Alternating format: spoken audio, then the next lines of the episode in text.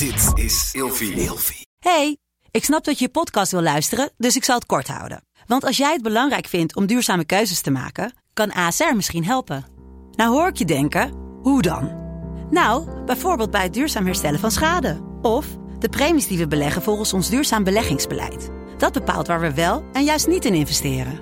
Wil je meer weten over welke duurzame keuzes ASR maakt? Ga dan naar asr.nl slash duurzame keuzes. ASR doet het.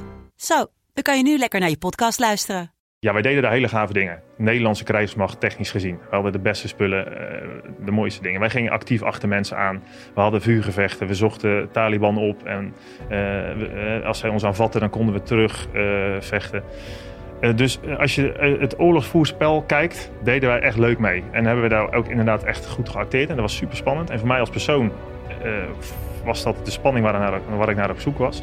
Maar tegelijkertijd zie je dat wij als Nederlandse krijgsmacht, ehm, als wij daar zitten, niet echt een belang hebben. We, we zitten daar omdat we geacht worden bij te dragen. Maar uiteindelijk hebben we niet de middelen, niet de mensen, niet de intel eh, om daar echt iets te doen wat het toe doet.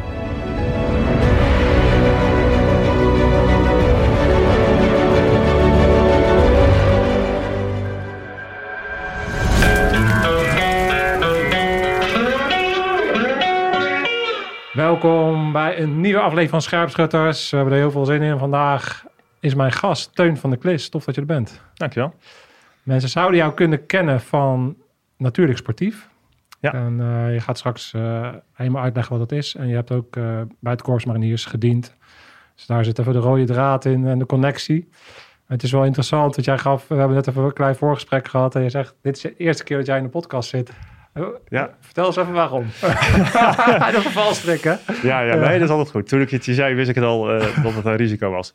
Nee, ik vind eigenlijk podcast nogal belachelijk. En eh, ik vind podcast vooral dat mensen heel veel zitten te wauwelen en zitten te praten. En dat het vooral heel vaak eh, gaat over dingen zonder dat er iets gebeurt.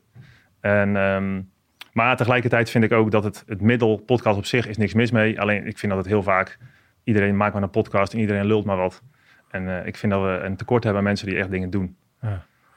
Nou, dat, dat, dat, dat eigenlijk gek genoeg ben ik het helemaal met je eens. Ja, dus het, eh, de, de, de doelmentaliteit en de vertrutting van de maatschappij is denk ik ook een, een thema wat vandaag terug gaat komen. Want de reden dat ik eigenlijk aanging op jou. Want het grappige is dat wij dus wel samen in dezelfde tijd hebben gediend. Maar we, we komen er eigenlijk tot de conclusie dat we elkaar Stom, waarschijnlijk nooit hebben gezien. Dat toen ik jouw concept zag, is dacht ik, ja, dat is echt wat we nodig hebben. En het wordt natuurlijk steeds actueler. Je hebt allemaal van die Siri eh, eh, dat je mensen meer moeten buitenspelen en jongens moeten jongens zijn. Maar je ziet toch een bepaalde vertrutting van de maatschappij. Ja. En ik denk dat we gewoon behoefte hebben aan mensen. Ten eerste, wat je doet, is natuurlijk de natuur ingaan. Het is bij jou, je moet zelf in eigen bewoording maar toelichten wat je doet. Maar gaan mensen gewoon eigenlijk gewoon buiten spelen. Maar dan op een volwassen manier. En een leuke, een eigenwijze manier. sp- Sportief bezig zijn met de, met de connectie. En ik denk ja, dat is, dat is wel iets eh, ja, waar, je- waar je gewoon weer een beetje voelt dat je leeft. En eh, dat je lekker gewoon bezig kan zijn. En, eh, Ja. Vertel zelf eens even heel kort voordat we ingaan op wie je eigenlijk bent natuurlijk. Ja, ja. Eh, wa- wa- wat jij doet dan met natuurlijk sportief. Nou, je zegt het heel mooi, de vertrutting tegengaan. Dat is eigenlijk precies wat we doen. Wij, wij gaan gewoon naar buiten en we kijken of we tegenkomen wie, we, wie er nog meer is en daar gaan we dingen mee doen. Ehm, dus wat, wat eigenlijk een hele grote kern is, dat we niet proberen om alle randzaken om ons heen te beïnvloeden en voor elkaar te krijgen en dan precies ons dingetje te gaan doen wat we van tevoren bedacht hebben. Maar dat we ons gewoon, gewoon volledig overgeven aan wat er is en dat we daar het beste van maken. En dan krijg je vaak een hele toffe, heftige, creatieve, avontuurlijke belevenis. En ik, ik denk eigenlijk dat het daar in ons hele leven best wel aan ontbreekt. Om gewoon weer gewoon te doen en te klooien en niet te serieus te zijn. En dan kan je dus heel erg tekeer gaan als een beest en rammen met je kadaver. Maar je kan ook gewoon lekker speels even los je kop leegmaken. En dat zie je dan gewoon op het moment, in het moment.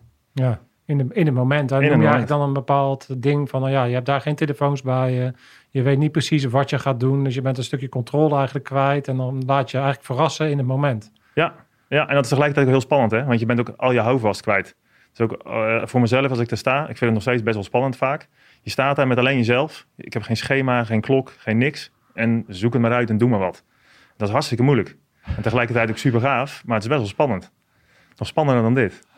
Dus, weet je, en, maar dat is juist het gave eraan. En daarom heb je telkens weer opnieuw een hele dynamische, gave ervaring. Waar je inderdaad precies wat je zegt, dat je leeft. Je voelt echt dat je leeft, omdat er van alles gebeurt. Veel meer dan plichtmatig een paar dingen afwerken. Ja. Ja, want het is wel interessant, want jij zoekt dus die eh, situaties wel op. Want je, je hebt dus eigenlijk zo eh, met podcast, ja, vooral lullen, maar ik ben meer van het doen. Maar je zit hier wel. Ja. Dus je zoekt wel, je zoekt wel een soort van het oncomfortabele op. Kan ik dat zo zeggen? Ja, zeker. Ik probeer mezelf altijd wel te trekken en uit te dagen. Maar ik wil ook kritisch naar mezelf zijn. Je kan wel ergens wat van vinden. Maar hoe ga je dat vinden als je dat nog nooit hebt gedaan? Dus als ik iets van een podcast wil vinden, dan moet ik het op zijn minst een keer gedaan hebben. En dus toen je me belde, dacht ik, ja, weet je, als ik dan ergens een keer ga zitten, dan is het hier. Gaaf, tof. Ehm, en dan moet je het ook doen ook, met je grote bek. Dus, dus dan, dat, in het kader zit ik nu hier. Dus eh, ja, gewoon proberen. Van Ja. proberen kan je leren, zeggen mijn dochters. En eh, dat, is, eh, dat is het verschil waarom ik hier zit. Ja, gaaf.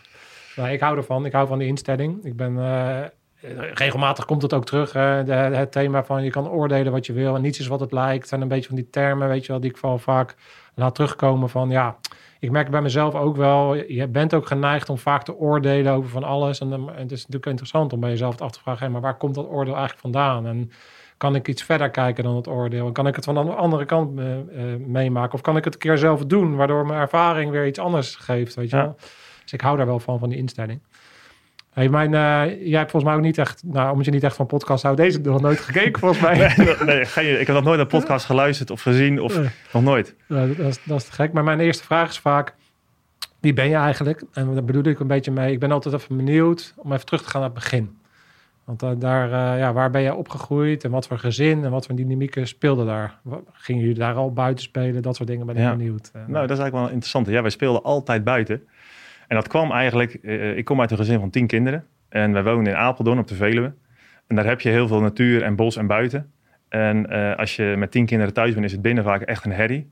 Dus wij werden gewoon door mijn moeder letterlijk naar buiten geschopt. Ga maar buiten spelen. En voor het eten hoef ik je niet meer terug te zien. Op een liefdevolle manier hoor.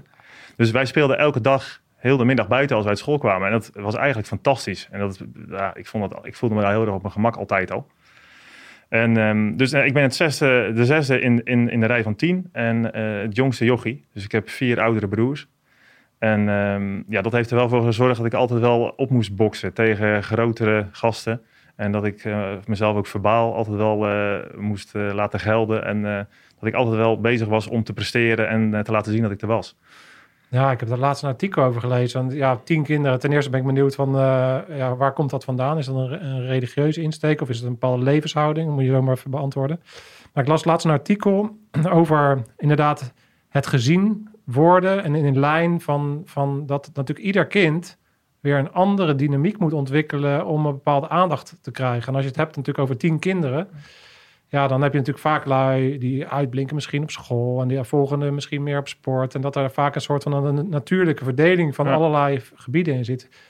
Als jij, als jij zo analyseert naar jezelf en naar broers en zussen, zie je daar ook in dat er verschillende types in zitten die op andere manieren opvallen? Ja, dus eigenlijk, terwijl je het zegt, denk ik, uit, dat is wel mooi. Want dat, dat herken ik wel zeker. Terug te komen op je eerste vraag, ja. Ik kom uit een, uit een christelijk eh, gezin. Ehm, dus dat is, een, dat is wel een van de redenen dat, dat we met zoveel kinderen waren. Eh, dat heeft verder niet... eh je wel voor gezorgd dat ik in een hele beschermde, rustige omgeving ben opgegroeid. Maar eh, misschien was het ook wel dat ik juist wel daarvan afweek. Ik was thuis altijd wel echt altijd de druktemaker en de sfeermaker en de, ja, ja, de drukke. Ehm, mijn broers en zussen zijn allemaal best wel rustigere, nadenkende, slimme mensen. Ik ben misschien wel de domste van wel. maar ik was altijd al de doener en de heftige, maar ook wel degene die aanwezig was en grapjes maakte en de sfeer leuk maakte. Dat was altijd wel mijn rol. En eh, ik was wel een beetje de enige inderdaad die... Ik, ik ben op heel veel vlakken best wel anders dan veel van mijn broers en zussen. Toen al en nu ook wel. Ja, dus, dus dat, dat, dat, buitenbeentje, om het maar even een naam te geven.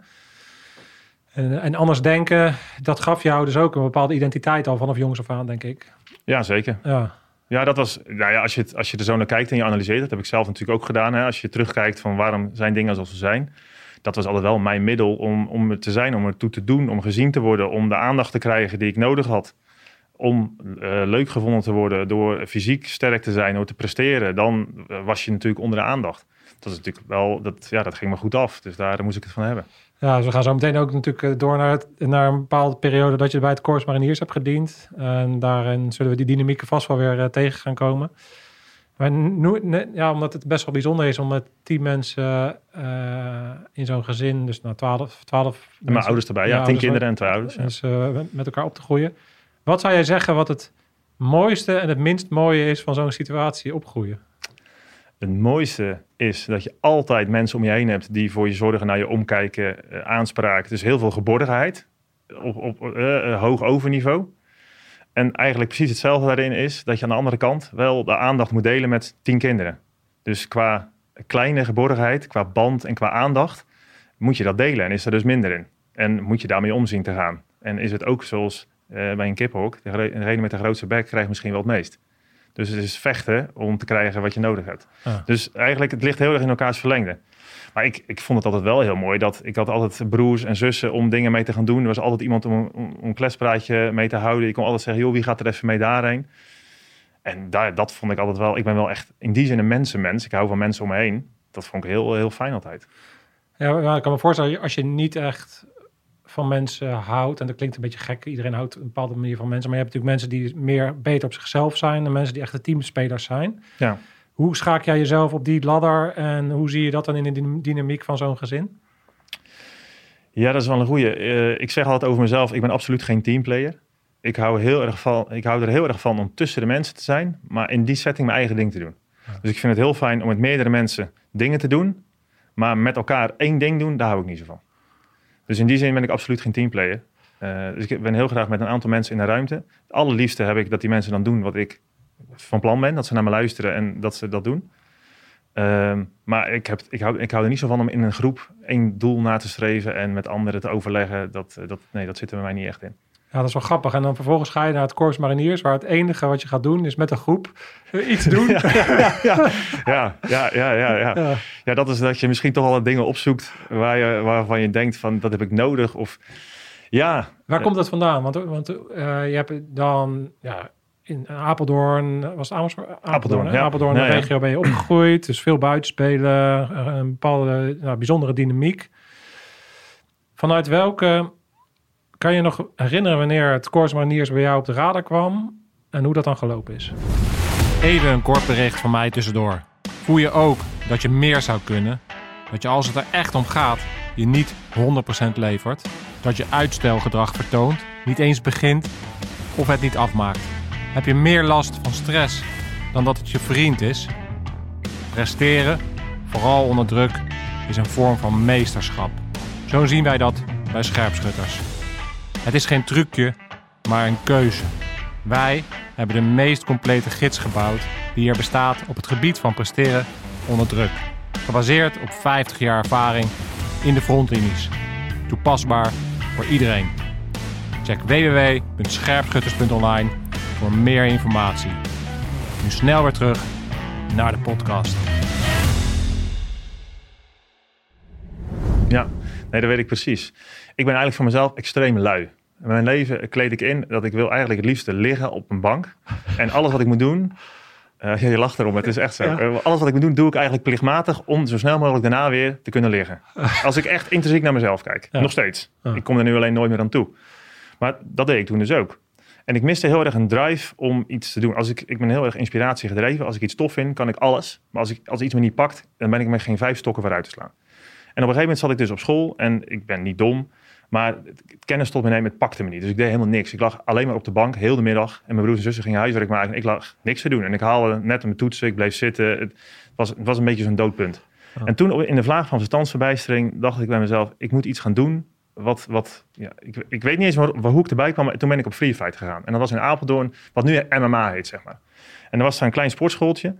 Er waren allemaal gigantische gasten, helemaal ondergetatoeëerd. En dat was voor mij vanuit de heel die keurige omgeving echt een, een shock natuurlijk. En ik kwam daar en ik was eigenlijk te jong, want je moest 16 zijn. Ik was 15.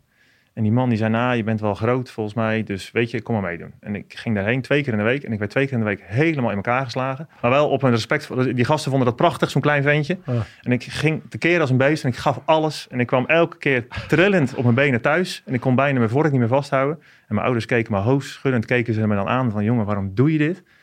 En toen voelde ik bij mezelf een soort vuur van binnen. Ik dacht, ja, dit is wat ik nodig heb. En daar was heel veel discipline was daar. Die trainer was heel gedisciplineerd. Was een vriendelijke vent, maar er was echt wat hij zei dat gebeurde. Punt. En dat deed iedereen. En dat zorgde bij mezelf dat ik dacht, hé, hey, maar dit heb ik nodig. Als ik dit heb, dan kan ik alles en dan voel ik me geweldig. Want ik voelde me eigenlijk best wel een, een beetje een nietsnut. Ja. En toen dacht ik, ja, oké, dat heb ik hier, maar hoe vind ik dat? En toen dacht ik, ja, eh, misschien eh, moet ik bij Defensie.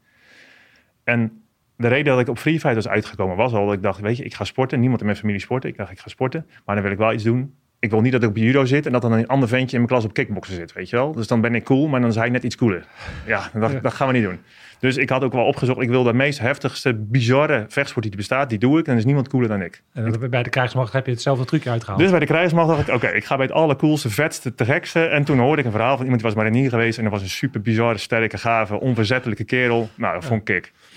Dus ik moest van school verplicht naar een banenbeurs in Utrecht. En stond een stand van het korps. Nou, 1 en 1 is 2. Ik heb daar een formuliertje ingevuld, ding in een brievenbus gegooid. En dat was het. Dat is mijn enige input geweest.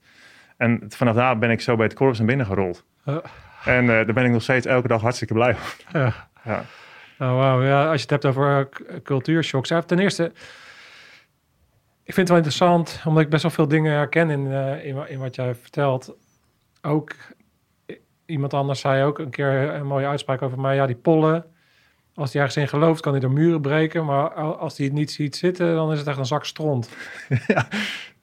Uh, dus, dus, ja. dus ik, ik, heb ook ergens een soort van die, uh, die drive altijd ergens nodig. Ja. Iets, iets, iets, iets wat me dan echt grijpt of zo. En als ik dat niet heb, dan kan ik ook echt een waardeloze vent zijn gewoon. En dan eh, ook alleen maar gewoon niks... niks eh, Ja, ja, dat herken ik. Als ik iets niet vind, als ik, er- er- er- er- als ik ergens geen energie voor heb, dan ben ik echt een zwart gat. Dan zuig ik alle energie op. En als ik dan eerlijk naar mezelf kijk, ben ik echt een negatieve vent. Ja, echt verschrikkelijk. En dan kan ik er beter niet zijn dan wel. Ja. Dat is echt best wel erg, vind ik dat van mezelf. Maar eh, terwijl als ik ergens in geloof, dan ben ik niet te stoppen. En dan ga ik soms ook wel weer te ver in mijn, in mijn passie en gedrevenheid. En dan wil ik iedereen overtuigen en erin meenemen. En dan gaat het soms ook ten koste van mezelf. Dan is niets te gek en dan is het nooit goed genoeg. En dan eh, heb ik ook geen rust totdat het klaar is of gedaan is. Ja. En eh, ja, dat is heel mooi. En Ja. soms is het ook heel vermoeiend. Ja, het is heel, eh, ja, dat, precies dat. Het is heel mooi, het is heel vermoeiend. Het is een soort duistere, duistere kant zit eraan. Ook het eh, vullen van iets. Van ja, waar ben je dan eigenlijk aan, eh, naar op zoek? En eh, je bent er eigenlijk ook een soort van bang voor. Want je Ja. weet hoe het is om op die bank te liggen als 16, 15-jarig Ja. jongetje. En dat gevoel is ook niet echt dat je denkt, nou, daar, Nee. daar heb je helemaal geen kloot aan. Nee, het is verschrikkelijk. Als je er niet toe doet. Eigenlijk is het heel belangrijk om, om bij te dragen, om het toe te doen. Om iemand of iets te zijn. En dat ben je als je iets doet wat ergens aan bijdraagt. Maar dan komen we dus direct, en da- daarom is het dus heel interessant eigenlijk. Ja. Dan kom je dus direct aan het feit dat jij een hekel hebt aan een podcast. Betekent, omdat als, jij, als iemand alleen maar praat, dan doet hij er eigenlijk niet toe. Snap je? Ja, misschien ten diepste, denk ik wel. Op, Ja, een, ja. op, een diep, Als- op een dieper laag Ja. gaat het om, ja, je, je betekent pas wat echt voor een ander, of je kan pas echt iets zijn op het moment dat je iets doet. Je kan er wel over lullen, maar je moet iets doen. Ja. En tegelijkertijd realiseer ik me ook dat soms over iets praten heel waardevol kan zijn weer voor iemand anders. Ook al zie, al, zie ik het nut niet dat je iets zit te vertellen, kan iemand anders daar heel veel aan hebben. Nou de Ehm, reden dat ik, kijk, ik, ik heb 140 van die dingen gemaakt. Ja, nee, d- ja, dit- ik zeg het niet over jou, maar meer Nee, voor mezelf. nee. ook. Dat ik denk, ik kan zie, de, ik zie de, de, de, de waarde wel Ja. degelijk, omdat je gewoon het mentorschap, hè, iets, iets van, van die jonge gastjes, die energie juist, namelijk wat ik super interessant, de reden dat ik het gestart ben, is juist die energie van die gastjes die op de bank liggen, of vrouwen, whatever. Maar ik, ik identificeer natuurlijk, ik kijk vaak naar mezelf, en toen ik die leeftijd was. Als je die energie een beetje kan kaderen, Hmm. Dan is dat toch wel prettig. Want het kan ook volledig eh, de verkeerde kant uitspringen. en het Course Maniers is natuurlijk een manier geweest om jouw energie wel te kaderen. Ja.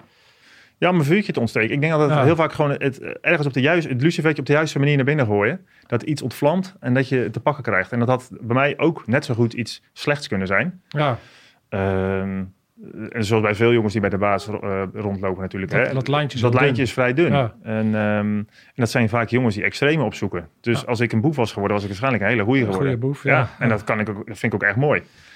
Ehm, maar gelukkig ging het naar mij naar het korps. Dat was heel goed. Maar toen ik daar eenmaal zat, dacht ik al wel... Eerst natuurlijk, hè, elke marinier, hè, een soort godenzone, fantastisch. Maar dan zie je het alweer iemand die dan net iets meer heeft gedaan. Of mensen waar, eh, waar dan tegenop wordt gekeken. En dus heb je geen rust totdat je daar ook bent. Dus eigenlijk in die zin ook heel erg rusteloos. En een najagen Ja. van iets en erachteraan rennen. Ja, als je bedoelt nu de dynamiek van dan ben je marinier en dan kijk je, hé, er zijn ook lui met zwarte, zwarte mutsen op. Dat, ja, dat weet ik ook. Ja. Ja, dat, wil- je wil altijd de beste zijn. Ja. En dat is, als ik naar mezelf kijk als, als kind, ik wilde altijd beter zijn, de beste zijn. En het stomme is, eh, heel selectief. Hè? Want met leren bijvoorbeeld met cijfers, de beste cijfers halen, dat maakte me dan weer niet zo heel veel uit. Nee. Terwijl met fysiek dingen of uitdagingen wilde ik het dan weer wel. Wilde ik weer het baasje zijn. Ja. Dus dan, eh, dat vind ik dan zelf wel weer interessant als ik terugkijk. Dan denk ik, waarom wilde ik dan niet de beste cijfers halen? Ja, wat... wat dat weet ik eigenlijk niet. ja, dat was dan, dat Nou, ik denk dat, dat ik gewoon een praktisch mens ben. Misschien, eh, ja, jij zegt ik was de domste, maar ik denk dat jij misschien, misschien wellicht dat je wel inschatten van ja, op dat vlak, op intellect, puur intellectueel vlak heb ik het misschien niet te winnen van mijn grote broers.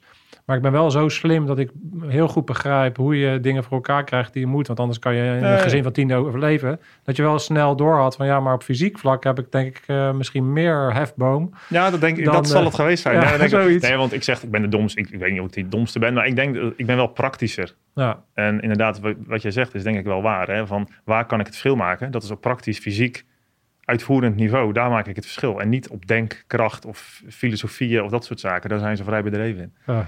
Eh, ja, mooi. Hey, neem ons mee, Course Maniers. We gaan, eh, want, we- eh, want ik wil ook nog alles weten over het eh, natuurlijk sportief verhaal. Ehm, neem ons mee.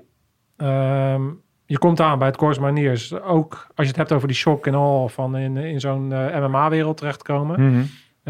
Course Maniers is natuurlijk ook best wel een Ja. dingetje. Ja, nogal. Ja. Kan, kan je nog terug... eh, ben je gewoon marinier geworden of ben je officier geweest? Nee, ik ben marinier. Marinier. Eh, ja, Eh, neem ons mee. Je, gaat, je klopt aan in, in Rotterdam. Wat gebeurt er met je? ja ik wist niet wat ik meemaakte. Ik had ook van tevoren niemand gesproken die marinier was. Ik heb in mijn mijn leven eigenlijk nooit ergens op voorbereid. En ook toen niet. Ik ben er maar gewoon ingestapt en ik kwam daar. Ja, ik, ik ben daar gewoon vol in het diepe gesprongen en er helemaal voor gegaan. Dus ik verbaas me nog wel eens over hoe ik dat heb kunnen doen. hoor. Maar dat was een, een, ja, een wereldschok. Ik kwam als keurig net mannetje. Kwam ik daar tussen allerlei gasten. Die niet per se niet netjes waren. Maar die hadden allemaal eens een keer vastgezeten. Of eens een keer dit. Of eens een keer dat. Sterke verhalen.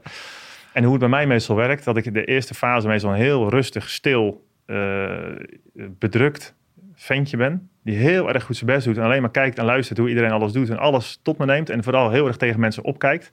Ik denk, zo, die kan dat en die kan dat. En hoe doet hij dat? En dat allemaal leert. Dat ik gaandeweg, en zo is het precies bij het korps gegaan. En dat ik dan gaandeweg het proces eh, erachter kom dat ik eigenlijk niet onderdoe voor die gasten waar ik tegenaan kijk. Dus als ik in de EVO, eh, als ik daar naar kijk, dan waren grote, stoere, sterke, gespierde gasten. Nou, daar keek ik best wel tegenop. En gaandeweg kwam ik er eigenlijk achter van, ja maar wacht eventjes, als er echt op aankomt, doe ik helemaal niet onder voor jou. Sterker nog, ben ik misschien wel beter dan jij. Ja. En dan zo gaandeweg eh, heb ik altijd voor mezelf dat ik dan groei in die rol. En dat ik naar het einde toe eigenlijk praatjes begin te krijgen. En de, aan de lijntjes begin te trekken. Ja. En mezelf zeker begin te voelen en dingen naar mijn hand ga zetten. En zo was het ook bij die mariniersopleiding. Maar in het begin was het echt voor mij eh, de grootste schok van mijn leven. Wat ik daar meemaakte en zag en hoorde. Het was fantastisch. ik kan me dat nog steeds herinneren. Wat, wat, wat alle verhalen en die de corporaal die dingen zei en die one-liners. En tegelijkertijd ben ik een keer s'avonds bij een sergeant op de kamer geroepen. En die zei, joh, Van de Klis, eh, gaat wel goed met je? Ik zei, jawel, eh, sergeant. Want eh, je kijkt de hele dag, je kijkt zo bedrukt, joh. Ben je verdrietig of zo? Nee, helemaal niet.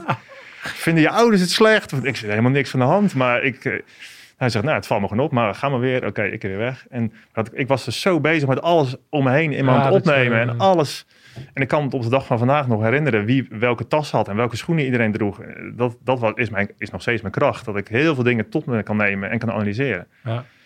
En ehm, Ja, het is, ik herken dat ook van het. ehm, ik denk dat heel veel dynamieken. eh, merk ik van ja, zo, zo, zo zit ik eigenlijk ook in elkaar.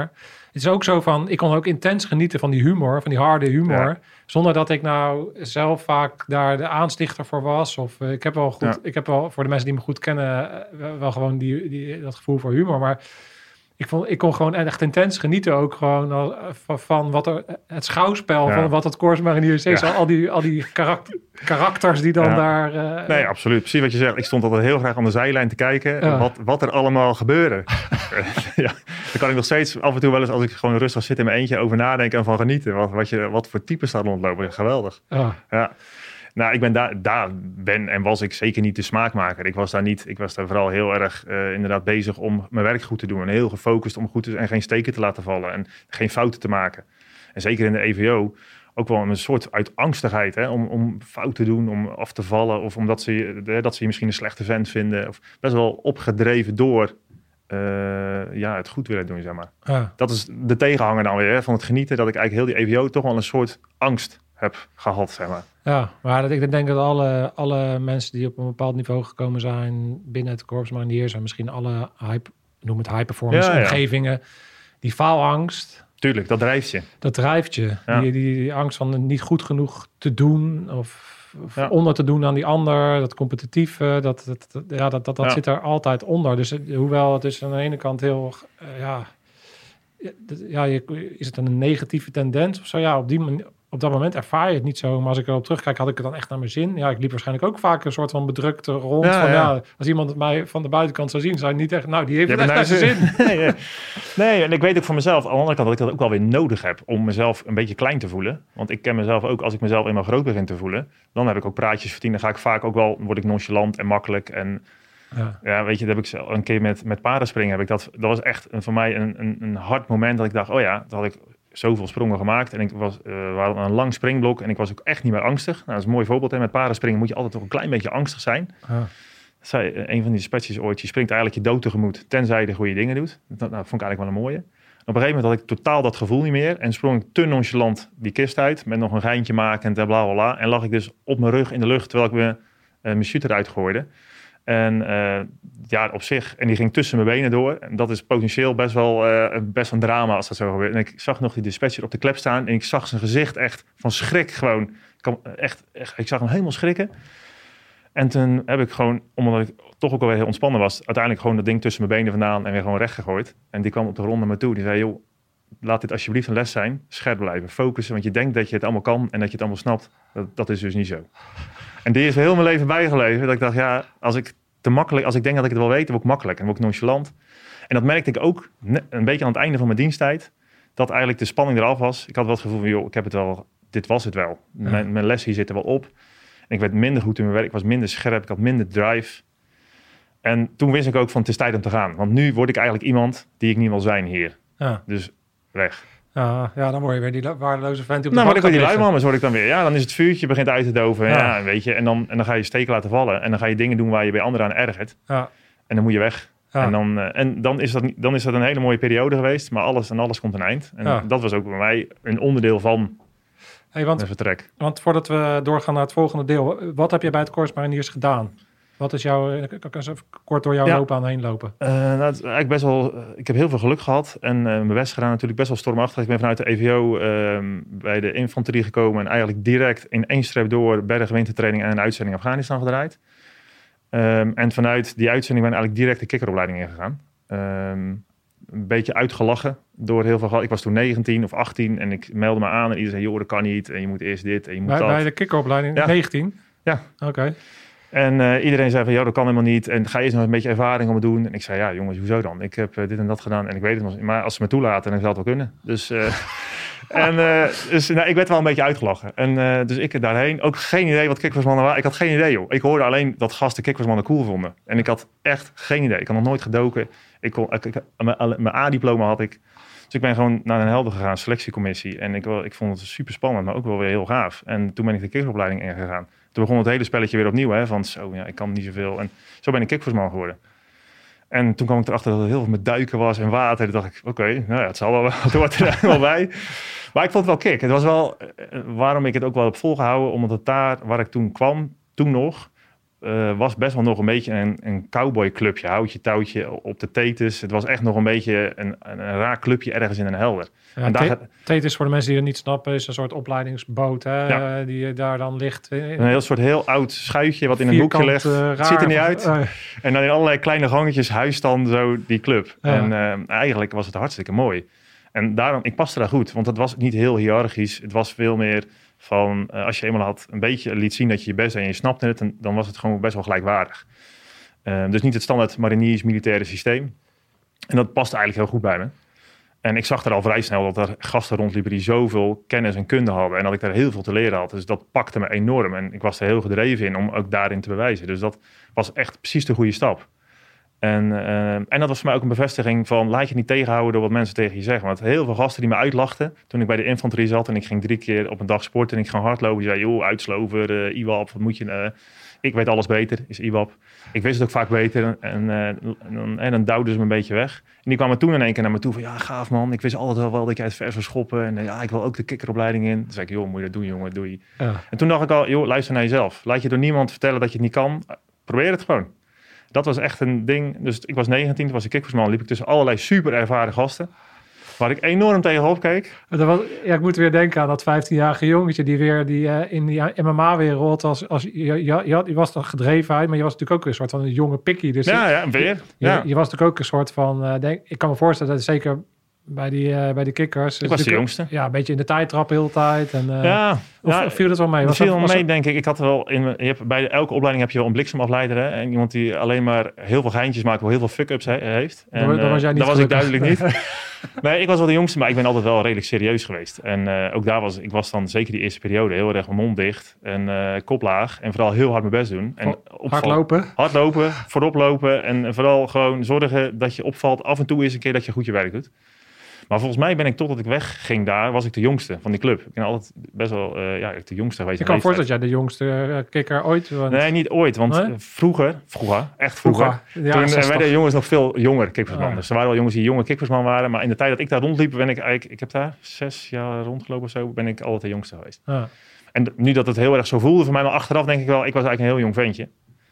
En, ehm, maar ook dat was alweer goed voor mijn nederigheid. Ik, had het, ik heb af en toe gewoon echt nodig om even in die nederigheid geduwd te worden. En wat grappig was, ik zat dus met eh, Andy Kraag, die relatie Ja. had, zat ik in de kikkeropleiding.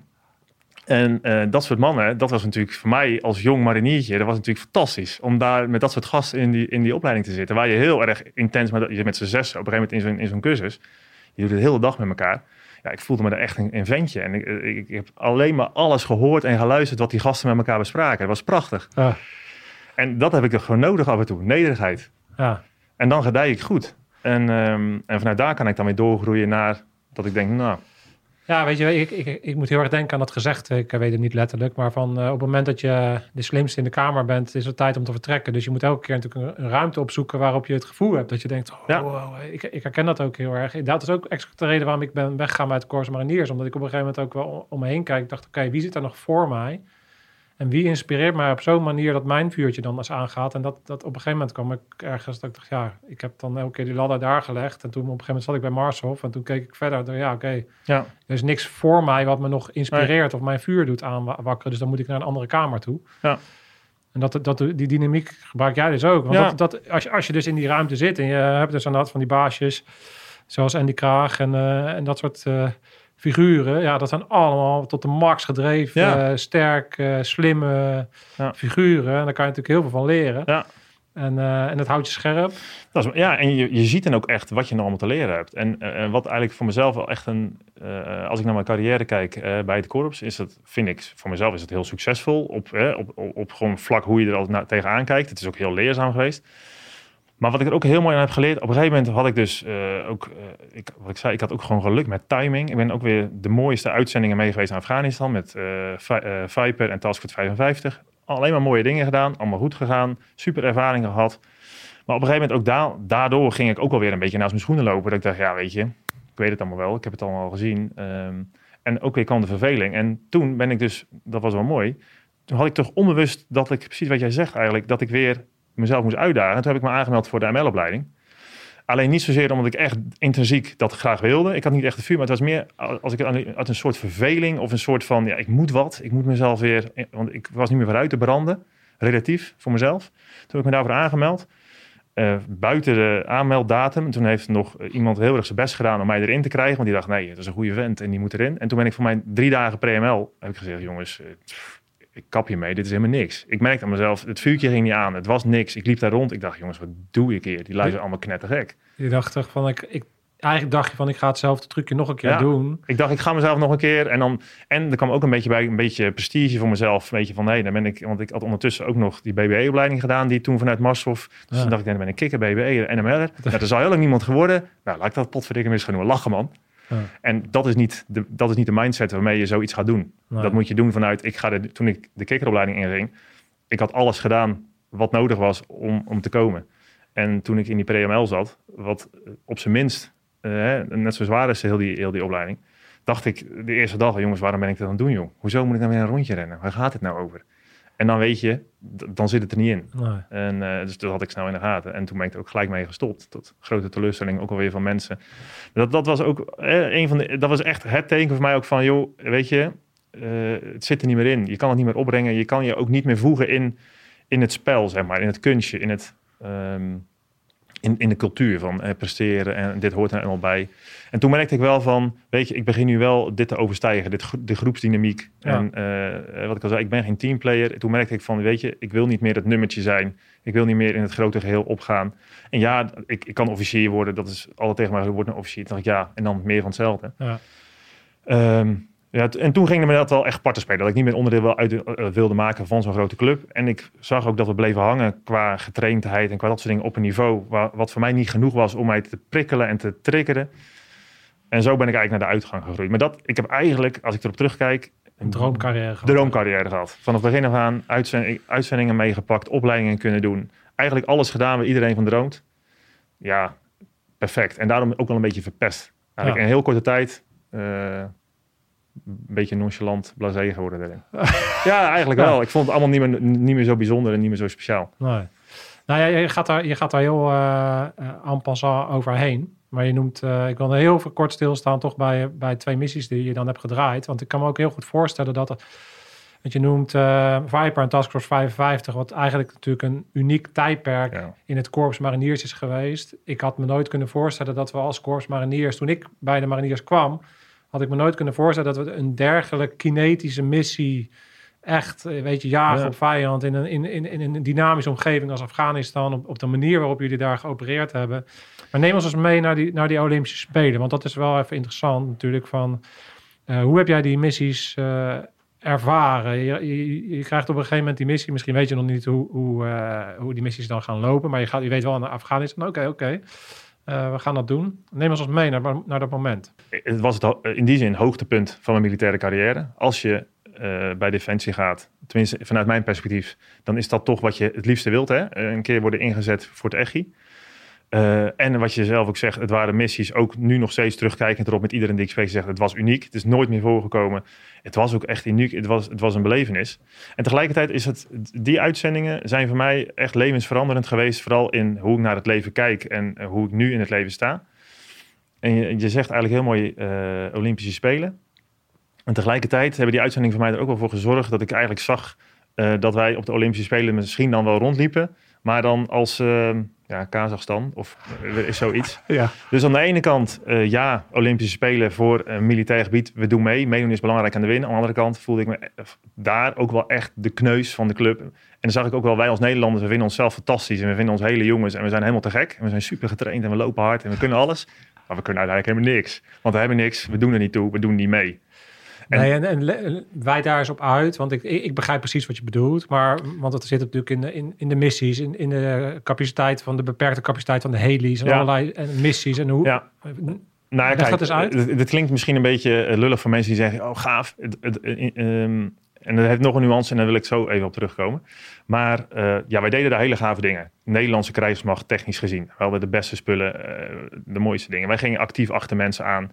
We hadden vuurgevechten. We zochten Taliban op. En eh, als zij ons aanvatten, dan konden we terug vechten. Dus als je het oorlogsvoerspel kijkt, deden wij echt leuk mee. En hebben we daar ook inderdaad echt goed geacteerd. En dat was super spannend. En voor mij als persoon eh, was dat de spanning waar, naar, waar ik naar op zoek was. Maar tegelijkertijd zie je dat wij als Nederlandse krijgsmacht, ehm, als wij daar zitten, niet echt een belang hebben. We, we zitten daar omdat we geacht worden bij te dragen. Maar uiteindelijk hebben we niet de middelen, niet de mensen, niet de intel eh, om daar echt iets te doen wat het toe doet. Dus het is een beetje eh, met een stof en een blik de kruimeltjes opvegen achter de, de grote jongens die daar eh, de dingen doen. En dat is op zich helemaal niet erg. Maar dat is voor mij uiteindelijk ook niet genoeg. Ik wil dan wel door en meer. Ja. En, ehm, en eh, ik ben dan ook weer zo verwend dat ik er twee heb gehad. Dus Vijper was al gaaf. 55 mochten we nog meer, konden we meer. Waren we nog peppier en specialer. Maar uiteindelijk zie je dan ook wel weer in het he- nog grotere geheel waar je staat. En dan blijf je wel een beetje hangen op een bepaald niveau.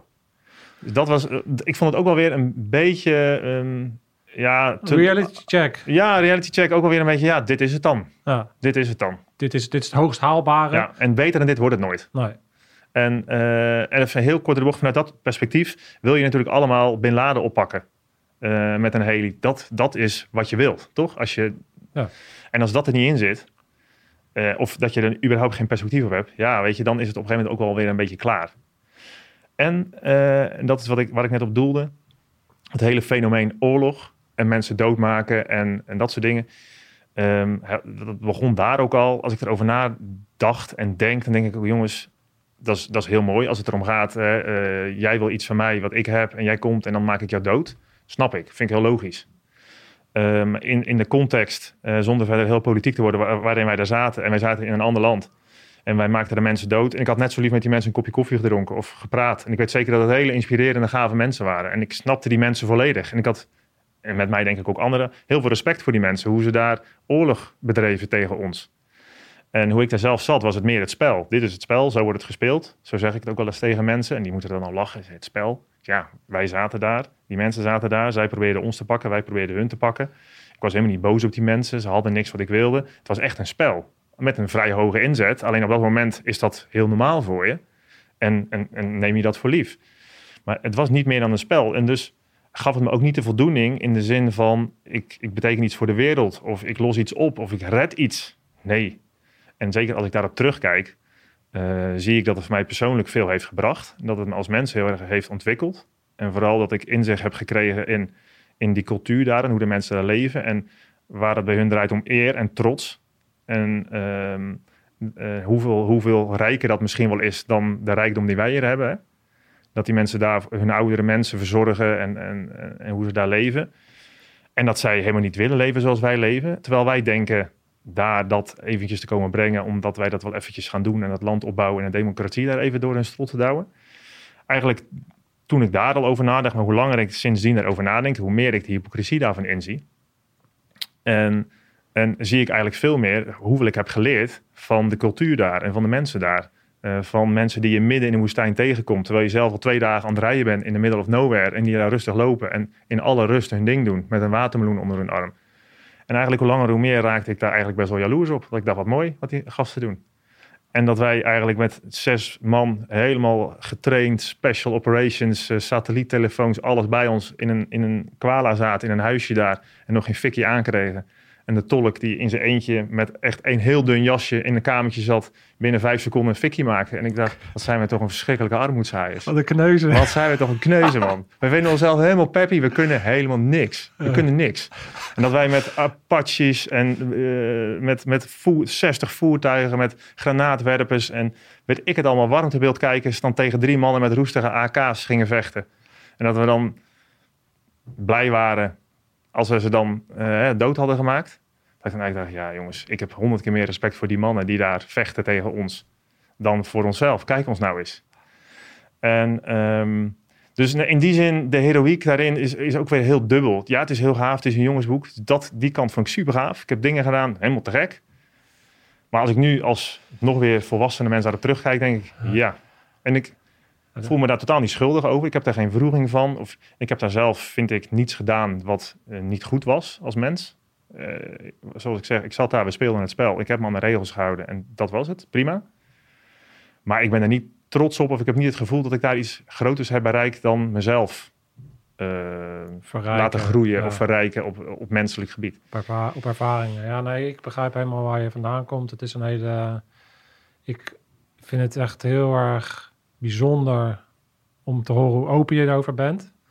En eh, ik kan alleen maar be- beamend zitten knikken in het feit van ja, ik heb dat, ik heb dat eigenlijk exact hetzelfde ervaren van, van, maar het is natuurlijk in- ingewikkeld omdat er een soort van eh, met alles wat er wat erbij komt eh, kijken en hoe dat dan allemaal eh, loopt.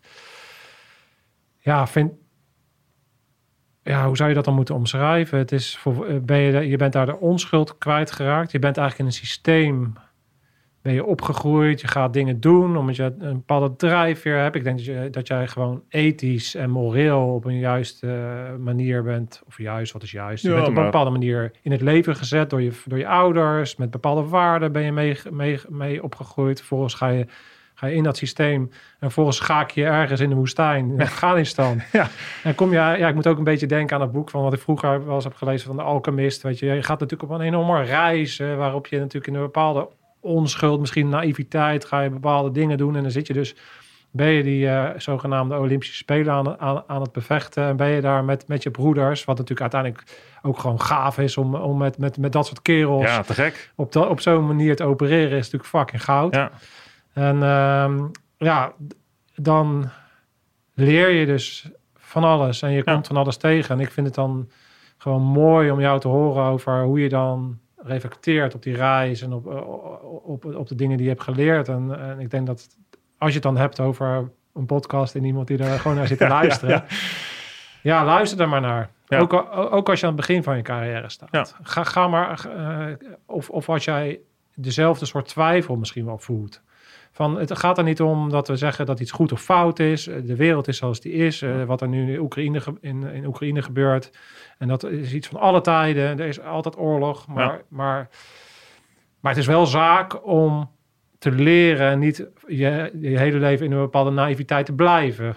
Dat- nee, ik- dat het is dat- goed om te kijken in, in, in, in fases in je leven. Wanneer is wat goed? En ik, ik ehm, en laat ik alsjeblieft dat ook zeggen. Ik ben nog steeds nu, ik met mijn gezin, ik heb kinderen, leef. Ben ik heel dankbaar en blij dat er mensen zijn die hun eigen veiligheid op het spel zetten om mijn veiligheid te garanderen. Laat ik dat vooropstellen. Dus ik ben absoluut niet tegen eh het toepassen van geweld tegen kwaadwillende mensen. Absoluut niet. Ik ben altijd heel blij dat er politiemensen zijn en brandweermensen en militairen die ervoor zorgen dat ik heel argeloos en fijn en onbezonnen eh, mijn leven kan leiden. En ik denk ook, vanuit hoe ik nu naar het leven aankijk, dat, dat het heel goed is om geweld en het toepassen daarvan te omarmen en te accepteren en te kunnen. Ehm, ik, als je het hebt over die kneuzen die geen eens een vuurtje aankrijgen. Ik denk dat het ook... het- ja, het is ook een soort skill. Of het hoort ook een beetje bij misschien erbij of zo. ja, van, dat je het ja. wel kan. Dat je, of je toepassen is een tweede. Maar Ja, maar ik denk ook wa- wanneer en hoe. Ehm, ik denk dat wij als mensen eh, een, een, een bepaalde vreedheid die belangrijk is en die je nodig hebt, kwijt zijn geraakt. Of eh, gedeeltelijk. En dat we heel moeilijk kunnen omgaan met ellende, al is het een dier dat doodgaat. Ehm, dus, en dat staat een beetje eh, haaks. Het klinkt een beetje paradoxaal. Misschien aan de ene kant zeg ik van we hadden er niks te zoeken en oorlog doodmaken is een beetje een raar verhaal. Ehm, dat is, dat, en aan de andere kant zeg ik we moeten eh wreed kunnen zijn en jezelf kunnen verdedigen. Maar dat bedoel ik meer op het vlak van in een persoonlijke situatie. Ik ben ergens om mijn gezin, jij wil kwaad. Dan wil ik in staat zijn om jou dood te kunnen maken. Dat vind ik heel primair. ja, ja, zijn- En dat zie je bij dieren, dat zie je bij mensen, dat zie je altijd. En ik denk dat we daar juist met z'n allen te weinig van hebben. En wat, me in het, wat ik net het verhaal vertel, gaat mij er meer om de legitimering. Waarom pas ik dat geweld toe? Ik ben daar, ik pas heel veel geweld toe. Wat Ja. is mijn belang hier? Wat heb ik hier te zoeken? ja, dat is ook om, omdat de, de systemen waarin je dan vecht natuurlijk heel dubieus zijn geworden met allerlei valse eh, weapons of mass destruction die Irak ja, binnenkomen. daar heb ik de je- kennis niet. Daar wil ik uitblijven, weet Ja, je wel. Want ik, ik weet, ik, ik, ken die lijnen niet. Nee, daar hoeven we ook helemaal niet heen, heen te gaan. Maar, maar dat, dat wordt dubieuzer Ja, dan natuurlijk gewoon... Oké, ik, heb een, eh, ik heb mijn gezin, mijn familie... Ja. en op het moment dat iemand bij mijn huis binnenkomt... wil ik me kunnen Ja. verdedigen. nou, en dan leg ik zelf een bruggetje naar natuurlijk sportief. Ja. nee, dat is wel wat ik eh, met die vertrutting, en dat is ook wel een kern in natuurlijk sportief. Ik wil een bepaalde hardheid en een bepaalde rauwheid wil ik in mijn leven hebben. ja, En, eh, en zoals met alles, hè, dat, dat is heel veel duizenden jaren geleden al bedacht, wil je een balans hebben, een yin-yang. Ehm, ik heb twee dochters, ik wil heel zacht kunnen zijn. En ik wil met die meiden heel erg mee. Maar aan de andere kant wil ik mezelf blijven scherpen in heel hard kunnen zijn. En wreed voor mezelf en voor de anderen. En wil ik dus, als het heel koud is, buiten zijn. En wil ik mijn handen openhalen. En wil ik mijn mens voelen. En wil ik vechten met andere mannen en elkaar eh, op de grond gooien en die pijn voelen. Omdat ik denk dat ik dat moet kunnen blijven doen. Toen ik bij Defensie wegging, heb ik eh, tegen mijn vrouw gezegd: Ik ga nu weg. Dat is niet voor jou, dat is mijn eigen keuze. Eh, maar ik ben wel bang dat ik hier een stuk ga verliezen van wat ik denk dat ik als man, als mens, maar voor mijzelf als man, eh, nodig heb om, wie, om te zijn wie ik ben. En wat ik vind dat ik dat moet hebben. En dus heb ik eigenlijk gezegd, ik wil dan wel, eh, zo nu en dan wil ik wel mezelf nog gewoon eventjes onderdompelen in rauwheid, ruigheid, afzien en lijden. Natuurlijk ga je gang, zei, ze gelukkig. doe je ding, maar ik blijf En- lekker thuis. Ja, maar dat doe ik nog steeds. Ja. En ik denk dat ik het echt nodig heb. En ik, ik heb dat nodig om te leven en te voelen dat ik leef. En dat ik ook bijvoorbeeld in staat ben om eh, tot op zekere hoogte mijn gezin te kunnen beschermen. Hele primaire dingen. Dat ik dat kan. En dat ik als alles om me heen in elkaar dondert, mezelf nog steeds kan redden. Nou, en dat is dus een beetje hè, die vertrutting tegengaan. Dat, dat komt eigenlijk neer, en dan pakken we zo meteen alweer een lijn naar mijn jeugd. Dat komt wel neer op niks nodig hebben, zelfredzaam zijn, onafhankelijk zijn. Dus hulp kunnen vragen, super, super goed en heel nuttig, heel belangrijk. Maar als er geen hulp is, of het komt niet, of wat dan ook, dat je het zelf helemaal kan en dat je helemaal niks daarvoor nodig hebt. En dat is wat wij met Natuurlijk Sportief doen. We gaan naar buiten, we hebben niks en we kijken wat is hier en daar gaan we wat mee doen. En dat is ook alweer mariniers. Ah. Tape, touw. We hebben niks, er is geen geld, eh, maar we gaan er met z'n allen iets van maken. En Ja. daarom het al bij me. Ja. We hadden geen gelikte magazijnen met eh, bestellijsten en alles. We regelden het. En, eh, en, en, en, nou, ik denk ook, en gedeeltelijk vanuit vroeger en mijn jeugd, als je tien kinderen hebt en je verdient niet heel veel geld, ja, dan ben je best arm, dan heb je niet veel. Dan leer je ook al gewoon om het daarmee te doen. Flexibel en creatief te zijn. Ja, creatief te zijn. En wat ik mezelf eigenlijk heb aangeleerd, en dat is ook een rode lijn door mijn leven, niks nodig hebben. En dat gaat er dan vooral om ook, en dat, heb ik, dat kwam ik in Noorwegen ooit achter. Toen dacht ik, hé, hey, potverdikke, maar dit is wat ik doe. Je had eh, vier smaken Arctic rantsoenen. Dat zijn eh, van die mooie eh, vriesdroogmaaltijden. En één smaak vond iedereen heel lekker. Twee smaken waren moi en één smaak vond iedereen vies. En wat heb ik toen per ongeluk gedaan? Ik heb die lekkere smaak nooit gegeten. En ik heb van de begin af aan ben ik die vieze smaak gaan eten. En dat zorgde ervoor, luiheid, dat ik nooit stress had. Want ik had altijd bergen met, met voeding en voedsel. En heel veel andere jongens hadden stress, want die wilden die lekkere scoren. Dus die stonden te trappelen als die dozen de vrachtwagen uitkwamen om die lekkere te scoren. Ik pakte gewoon achter aan de rij die vieze en die vond ik heerlijk en die had ik lekker. Ik was veel onafhankelijker. Ik had niks nodig. Ik had geen kruiden en specerijen in mijn rantsoenen, omdat ik me dan geen zorgen hoefde te maken dat ik die misschien niet had. Dus ik heb mezelf vanaf begin af aan in alles aangeleerd om helemaal niks nodig te hebben. En dat is iets heel moois soms. Aan de andere kant kun je ook zeggen, doe je jezelf niet tekort. Door eigenlijk nu minder lekker te eten, uit angst dat je straks het mist. Dat is heel interessant. Maar dat zorgt er mij wel voor dat een rode draad door mijn leven, niks nodig hebben, in, in niks en het helemaal zelf kunnen. Dat ik heel onafhankelijk ben. Dat ik het vaak heel makkelijk heb. Dat ik minder stress hoef te hebben over randzaken. Ja, het is interessant. Ik heb met Te- Teun Voeten, eh, dat is een oorlogsfotograaf en een schrijver, die, die noemde dat het verwachtings... Ja, de verwachtingsparadox, of weet ik veel wat. Maar dat ging Mhm. met name over de ontwikkeling die je dan ziet. Dat hij eh, vroeger, toen hij naar Afrika kwam, dat hij eigenlijk hele gelukkig Ja. eh, inwoners zag. En dat hij, nu dat hij er terugkwam, ze hadden allemaal dat telefoontje. En ze konden zich eigenlijk meten met de BIG's en dikke Ja. limousines. Dat, er, dat ze eigenlijk ongelukkiger waren geworden. Want het zit, zit, zit hem ook een beetje in deze lijn. hè, van, absoluut. Van, van, ja, waar, wat verwacht je van het leven? Of Ja. wat, wa- welke dingen zet je dan neer als verwachtingen? En wat, wat voor invloed heeft dat eigenlijk op je, Ja. op, op je geluk? Dat is eigenlijk een mooie. Ja, dat is misschien, en daar had ik zelf eigenlijk nooit zo bij stilgestaan. Maar wat ik, waar ik een soort van jaloezer was op de mensen in bijvoorbeeld Afghanistan. Die rust die ze er hebben. En het tevreden zijn met niks. Eh, daar heb ik altijd echt een soort hele diepe jaloersheid naar gevoeld. Weet, je, weet je welk... eh, ja, dat klinkt een beetje gek, om, maar ik heb nu ineens de behoefte om je... Ja, ze kom. eh, eh, het, begin, eh, van- het begin van alles. Het is een boek wat ik onla- onlangs gelezen heb. Mhm. Ik zal je wel even een linkje sturen. Maar dat heeft mij heel erg de, open, de ogen doen openen. Want het is ook een soort oergevoel wat ik ook herken. Van ik heb dat ook altijd gehad. En daarin heeft me het heel erg het, wereldbeeld heeft me eigenlijk eh, op een ander been gezet. We zijn natuurlijk allemaal opgevoed met inderdaad een bepaalde sup- eh, westerse su- superioriteit, een manier Mhm. op samenleven. Maar daarin zie je heel erg vanuit eh, toen wij eigenlijk eh, naar Amerika gingen en in, in het eerste contacten met inheemse stammen.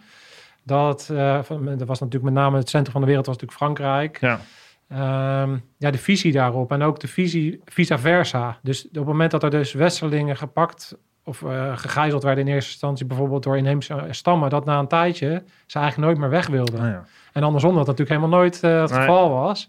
En dat daarin eigenlijk een soort ja, kritische blik ook was vanuit de inheemse bevolking naar onze maatschappij in de, in de manier waarop we dat allemaal geregeld hebben. En eh, wat daarin cen- centraal staat, wat natuurlijk een heel belangrijk thema op dit moment ook is, is bezit. En niet alleen bezit hebben, maar ook bezit gebruiken om macht uit te oefenen op een ander. Ja. Want als je dat, als je in die dynamiek zitten wij in het Westen natuurlijk maximaal Mhm. in. Maar als je dat wegneemt, en dan kom je weer op die redzaamheid, wat jij zo interessant vindt, neem eens al het bezit weg. Wie Ja. ben je dan eigenlijk nog? Wat, ja, wat, wie ben je? Wat, hoe red je jezelf? Waar besta je van? Ja. Ja. En, en, en wat voor connecties leg je dan op het moment dat, dat, dat, dat je bezit wegneemt? Ja, nou ja, dat, dat, ja precies, precies wat je zegt. Dat is dat wat me triggert, zeg maar. Ja, Eh, en dan, eh, dan gaat het voor mij op dit moment eh, soms niet eens op het diepste filosofisch niveau, maar ook gewoon praktisch. Ja. Voor mij, omdat ik een verantwoordelijkheid voel, nu bijvoorbeeld als, als vader van een gezin, om te kunnen zorgen dat het aan goed gaat met mijn gezin. Dus daar zit bij mij mijn diepste drijfveer in. En dat, daar heb ik ook over nagedacht. En ik denk dat het ook in deze fase van mijn leven heel logisch is. Dat is ook mijn taak nu op deze aarde. Om, om de jongen van me goed weg te zetten. Ehm, dus Hoe- hoeveel kinderen heb jij? Twee. Oh. ja, ik dacht misschien ook tien Nee, nee, nee, nee. Nee, nee, dat is ook wel bewust. Dat Ja. ik denk, weet je, ik ben helemaal blij met mijn, met mijn jeugd. En ik, ik- prima, dat is zoals het is. Ehm, maar zoals altijd gaat, gaan dingen in golfbeweging. En vind ik het fijn dat ik mijn aandacht heel erg gericht aan twee kinderen kan geven. En dat ik mijn handen vol aan. Ja. En eh, nee, dat, dat vind ik prachtig. Maar het is voor mij echt op praktisch niveau dat ik in staat wil zijn om in welke voorkomende situatie dan ook in staat te zijn om iets te kunnen doen. Zonder daarbij eh, afhankelijk te zijn van, van allerlei zaken. En, nou, en dat is dus het, het, eh, eh, wat ik in, in heel mijn leven probeer door te voeren. En ehm, dat is wat ik in het begin ook al zei. Dat, dat kan soms ook op je drukken. Ik probeer als ik iets doe, dat ook echt helemaal goed te doen. En het kan soms ook op mijn drukken dat ik in mijn sport, in mijn werk, in, mijn, in hoe ik woon, in alles probeer ik dan wat ik vind en wat ik denk dat het goede is door te voeren. En dat is heel mooi en dat, dat geeft je een hele grote drijfveer, maar dat is ook doodvermoeiend. En je kan er bijna soms aan ten onder gaan. En, ehm, dus, nou ja, dus dat doe ik met sporten nu een jaar of 10, 11. En daarnaast ben ik nu bezig met lokaal hout van bomen die gekapt worden om dat weer goed te gaan gebruiken. Ik heb een huis gebouwd van hout, omdat ik denk hè, dat is een hernieuwbare grondstof. Dat is, en voor ik het weet ben ik op allerlei vlakken bezig om het helemaal weer goed te doen en daarin te excelleren. En, en eh, dan moet ik af en toe echt op de rem trappen en we rustig jongen, je bent, begint nu ouder te worden. Je komt nu in een fase van je leven dat je een stapje terug mag doen. En dat je van die apenrots heel voorzichtig aan de achterkant wat omlaag mag klauteren en andere mensen omhoog kunnen helpen. Ja, Het is even goed. ja. En daar zit ik ook vaak over na te denken over die apenrots. En, ehm, eh, en hoe dat dan zit. Hè. En dat, als ik naar mezelf kijk in die periode dat ik bij Defensie zat. ehm, dat ik eigenlijk naar mezelf, dat het ook heel logisch was. Dat je in die fase van je leven eh, omhoog wil klauteren. En laten zien hoe sterk je bent. En wat je wel niet kan. En dus in die zin kijk ik daar ook echt op terug van het was heel zinvol en nuttig. En ik heb daardoor ook een, een, eh, een, een, ja, een, een- om het even heel plat te zeggen, een heel, goede, een heel goed wijfje gevonden. Een hele goede voortplantingspartner als je het even heel biologisch kijkt. Ja, ja, ja. Omdat ik sterk en een baasje was en dominant was, heb ik ook een hele toffe, gave, stoere vrouw. Ja. En ik denk dat het biologisch gezien ook gewoon zo werkt. Dus ik kijk ook met trots en met voldoening terug op die periode van mijn leven. En ik kijk vervolgens nu, kijk ik van oké, prima. Het is een zaak dat ik die periode achter me laat en dat ik schakel. En dat ik niet probeer te blijven hangen in, in dat apenrots macho gedrag. En dat zie ik veel om me heen gebeuren. En daar probeer ik van te leren dat mensen eigenlijk te lang proberen te blijven zitten op die plek waar ze niet meer horen. En dan op een steeds nadere manier alles van zich af moeten houden. Nou, Kijk, als je, als, je, als je de puurheid van hoe het eigenlijk zou moeten zijn... en waar je dus ook die aantrekkingskracht hebt... vanuit die dingen die je hebt verteld over Afghanistan bijvoorbeeld... en je kijkt naar de, naar de, naar de stammen en hoe wij in elkaar zitten... dan, en je, je noemt dat heel... Je beschrijft het heel mooi van een stukje afklimmen van die, van die rots... en andere mensen omhoog laten. Nou, ik, ik- wat ik heel erg zie is, en wat ook een centraal thema is bij, bij scherpschutters... is het mentorschap. Ja. Dus dus eh, de, ja, je, je hebt zoveel nagedacht. Je hebt zoveel gedaan, waardoor je heel veel weet. En, je, al, die, al die ervaringen die je hebt. De ultieme, de ultieme waarde daarin nu zit, al, zit, er- zit er natuurlijk in om dat op een manier over te brengen zonder dat het over jou gaat. Maar waarbij je toepast op een manier dat een ander eh, daar zijn dingetje uithaalt of haar dingetje uithaalt en daardoor tot grotere hoogtes eh, klimt. En dat is Ja. natuurlijk heel erg mooi te zien bij, bij je kinderen. Maar ja, ik kan me voorstellen dat dat in jouw eh, natuurlijk sportief eh, eh, ja, verhaal en je bedrijf natuurlijk ook een enorm mooi eh, model is om op een speelse manier, Ja. een open manier, op die manier dat mentorschap toe te passen. Zie jij dat, het mentorschap? En, en, zie je jezelf als een mentor? Of hoe? Eh, ja en nee. Het is een, eh, dat vind ik een lastig thema. Eh, ik zal je vertellen waarom. Ik geloof heel erg in eh, lead by example. En wat ik nu zeg gaat puur over mezelf en niet over iemand anders. Ik denk dat de beste manier om, de enige manier om invloed uit te oefenen is op jezelf. Beginnen bij jezelf. Dus ik denk dat als je de ambitie hebt om andere mensen op een positieve manier iets bij te brengen, dat het begint met zelf je leven leven zoals jij vindt dat het het goede is. En ik denk dat je daar eigenlijk nooit klaar mee bent. En ik zelf persoonlijk vind en denk dat, er, dat ik om me heen best wel veel mensen zie die drukker bezig zijn met om zich heen mensen coachen en ment- eh, mentor zijn, et cetera, et cetera, et cetera. Op een manier wat vooral zenden is en kennis delen. En te weinig bezig zijn met het laten zien. En ik geloof erin dat ik zelf mijn leven indeel zoals ik denk dat ik zou moeten leven. Dat het dusdanig inspirerend kan zijn voor anderen. Dat ze daar heel veel uit zouden kunnen oppakken. Maar ik vind zelf dat het nooit de doelstelling mag of moet zijn. Nee. Als je snapt wat ik bedoel. Ja, ik snap het, maar ik En helemaal. Als ik het mooi vind als. Kijk, ik kan er best van genieten als mensen de blijk van geven dat ze het inspirerend vinden wat ik doe. En tegelijkertijd legt het ook heel veel druk op me. En die duw ik heel erg van me af. Ja. Want als ik namelijk het inspirerend ben, als ik het goed doe, moet ik dat of blijven doen, of ik doe slechte dingen. En dan vinden ze daar ook wat van.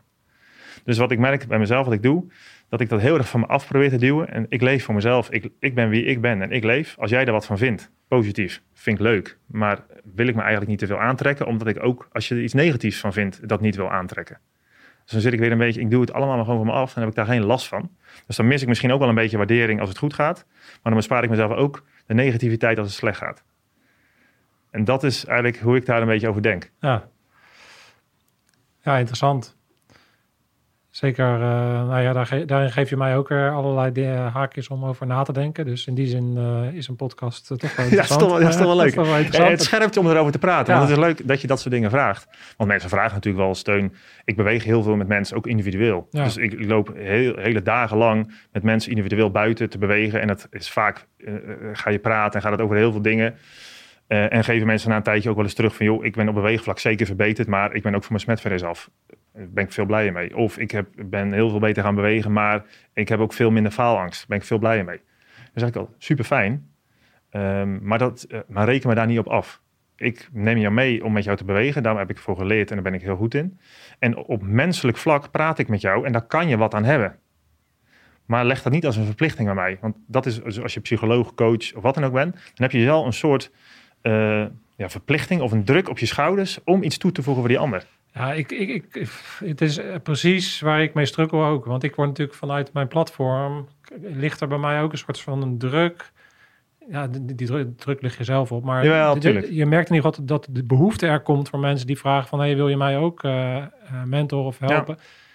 En ik merk dat ik dat alleen maar doe als het soort van gaat zonder financiële uitwisseling. Of dat ik gewoon denk, ah, weet je, met jou ga ik gewoon wel af en toe even babbelen. En, ja. en dat vind ik het gewoon Vrijblijvendheid. leuk. Vrijblijvend. Want zodra ik het in een soort model zou moeten gieten... en ik moet ook geld vragen, dan... dan nee, maar dan ligt er druk op en dan moet je. Nou, dat zie je helemaal met influencers. Influencers worden opgepikt omdat ze iets doen wat uniek is, wat gaaf is tot zover zijn ze heel authentiek en doen ze hun ding. Dat is super kick. Dat ja. zijn ze op hun best. Maar dan komt er een keerpunt. En dat is het punt dat ze ontdekt worden en succes hebben. Vanaf dat moment moeten ze namelijk blijven leveren. En moeten ze succes blijven hebben. En dan zie je dus altijd dat het verwoordt tot een kunstje. Tot een uitgehold lege huls waar de bezieling uit is. En wat, en wat niet meer gaat om je boodschap, maar wat gaat om de waardering daarvan. En daar zit ik veel naar te kijken. En dat vind ik zo verdrietig eigenlijk. En zo triest om te zien. Ja. Dat ik denk, jongens, ik wil heel mijn leven liever arm. Zo arm als een kerkrat zijn. En dat iedereen me een lul vindt. Maar dat ik zelf met de volste overtuiging leef zoals ik denk dat het leven geleefd moet worden. Liever dat dan dat iedereen me een toffe peer vindt. En succesvol en rijk. En ik ben eigenlijk gewoon een uitgehold iets. Een zieloos verschijnsel. En dat lijkt me verschrikkelijk. En dat drukt ook een beetje op me. maar ik ja. vind het tegelijkertijd wel dat ik voor mezelf heel kritisch op mezelf blijf. Dus dat ik me heel erg klein probeer te houden. Leef zoals je denkt dat je moet leven. Doe het. En als iemand daardoor geïnspireerd raakt, hey, super fijn. Super fijn, ja. Succes. Nou ja, dat, dat, dat, is, dat is dus de, voor wat mij betreft ook een soort van de antidoot van de vertrutting. Is niet alleen maar natuurlijk buiten spelen, spelen, sporten, ja. buiten. De, de, manier waarop je het bedrijf doet. Maar het is ook de tegengaan van de vertrutting heeft ook met deze gedachtegang te maken van ja, wees jezelf. Ja. En als je jezelf bent, dan, dan denk ik dat de vertrutting sowieso verdwijnt. Want dan kan ja. een man gewoon weer een man zijn, een vrouw ja. kan een vrouw zijn. En als je je wat vrouwelijker voelt, dan ben je, nou ja, dan, dan, dan, dan is ja, het prima. Dat je gewoon bent wie je bent. Ja. Uh, en ik noem het ook wel eens gewoon menselijkheid. En, en, mensen zeggen ook wel eens tegen mij, je bent heel erg zacht en sociaal naar anderen toe. Als je kijkt naar je achtergrond. En hoe zit dat dan? Ik probeer gewoon menselijk te zijn. En als ik een mens tegenkom die heel kwetsbaar is, vind ik dat heel lastig. Want het is niet eh, wie ik ben. Of ik, vind ik vond het vroeger nog veel moeilijker om met kwetsbare mensen om te gaan. Daar werd ik heel ongemakkelijk van. Als het niet macho en stoer was. Maar steeds makkelijker kan ik daarmee omgaan. En vind ik het heel fijn om die mensen een, een hand toe te steken. En om ze een beetje te helpen. Niet altijd, maar soms wel. En ik vind het dan juist ook heel mooi om gewoon heel veel van mezelf te laten zien. En ik ben ook heel blij dat door, ik heb dan weer, zeg ik ook wel eens, omdat ik een stoer verhaal heb en ik ben special forces marinier en ik ben cool. En kijk, kan ik nu ook heel zacht en soft zijn. En als ik een of ander yoga tutje was, dan had iedereen gezegd, heb je weer zo'n sukkel. En nu heb ik een sterk verhaal, dus mag ik nu ook, het legitimeert een beetje mijn softheid. Ja. Dat helpt, is wel handig. Um, maar gewoon die menselijkheid, dat is de, denk ik wel een missen. Dus die vertrutting, dat klinkt heel stoer, maar dat is ook gewoon dat we eigenlijk niet meer durven zijn wie we echt zijn. Dus ook de zachte kant en de harde kant. Uh, het oog voor elkaar. Eh, af en toe ook even jezelf even helemaal laten gaan en rammen met je kadaver, beuken en tekeer gaan. Dat is inderdaad, we, we stoppen onszelf in die vertrutting door alles netjes glad en te polijsten en te leven naar wat anderen ervan vinden en naar eh, applaus en likes en wat mensen mooi vinden. En dat is in mijn visie vertrutting. En waardoor je eigenlijk een afgevlakt leven leidt naar de gunst van anderen. Ja. Potverdikke me. Bam. Even die statement. Nee, ja, eh, geweldig. Ik vind, eh, ik, vind, ik vind het fantastisch. Ik hoop dat heel veel mensen aanklikken en, en lekker gaan buitenspelen bij jou. En dat je vooral blijft wie je bent, maar daar hoef ik me niet, niet druk om te maken. Want ik kan me voorstellen dat, dat het een continue strijd is. Want jij wordt vast ook, ook met een bedrijf runnen, zoals natuurlijk sportief, zal je langzaam in een soort eh, dingetje glijden. En dan moet je elke keer een soort van knokken om de eigen wijsheid vast te houden. Klopt dat? Ja, je moet heel erg, nou ja, ook binnen natuurlijk sportief wat ik doe, moet ik heel erg ervoor waken dat ik blijf doen wat, wat ik denk dat goed is om te doen en waar mijn kracht ligt. En dat ik niet, eh, ik, ik, heb bijvoorbeeld, ik ben heel slecht in dingen plannen en vastleggen en daar heb ik heel veel stress van. En op heel veel momenten in natuurlijk sportief heb ik daardoor heel veel dingen laten lopen of mensen ongelukkig gemaakt en heel schuldig gevoeld. En op het punt gestaan om alles van me af te duwen. En ik moet het telkens leren om dat dan weer te regelen of eh, verwachtingen gewoon eh, te temperen of e- eerlijk te zijn. Dus het is continu een uitdaging in elke fase van je leven, maar van je bedrijf, dat is je leven, om daarin je eigen plek te kennen en te weten en wat het dan is en waar je wel of niet blij van wordt en om er eerlijk over te zijn. Ja. Dat is, of het nou je bedrijf, je leven, je sport, het is natuurlijk allemaal hetzelfde. Het is gewoon je leven. Het gaat om wie jij zelf bent. Ja. En dat is heel erg lastig. Blijft lastig. Maar wel het meest eh, waardevolle gevecht wat je kan voeren, denk ik. Ja, zeker. Dat is het enige gevecht wat je eigenlijk echt kan voeren. Om eh, bij jezelf te blijven en eh, het goede te doen. Absoluut. Ja. Hey Rammer, ik vond het echt te gek. Ik vond het echt leuk. inspirerend om met jou van gedachten te wisselen. En inderdaad, ja, het is allemaal verder jeuken wat mensen ervan vinden. Ik zei al aan het begin, voor mij een podcast is ook, ja, is gewoon van, ha- haal je daar zelf wat uit? Komen er ideeën naar boven? Komen er beelden naar boven? Ja, word, je, word je geïnspireerd van wat iemand vertelt? Of word je even aangeraakt? En uiteindelijk gaat het er dan natuurlijk om dat je er niet alleen maar naar luistert, maar dat je er vervolgens iets mee doet. Ja. ik ben ook een, iemand die graag doet. En ik hoop dat iedereen die kijkt er naar luistert. En vervolgens er iets mee gaat doen. En dan eh, is het cirkeltje denk ik rond. Dus, Zeker. Daar heb ik hier niet voor niks gezeten. Hey, dankjewel. Thanks. En eh, succes met, eh, met de missie, want ik vind het eh, geweldig wat je doet. Dankjewel. Hans. So, alright.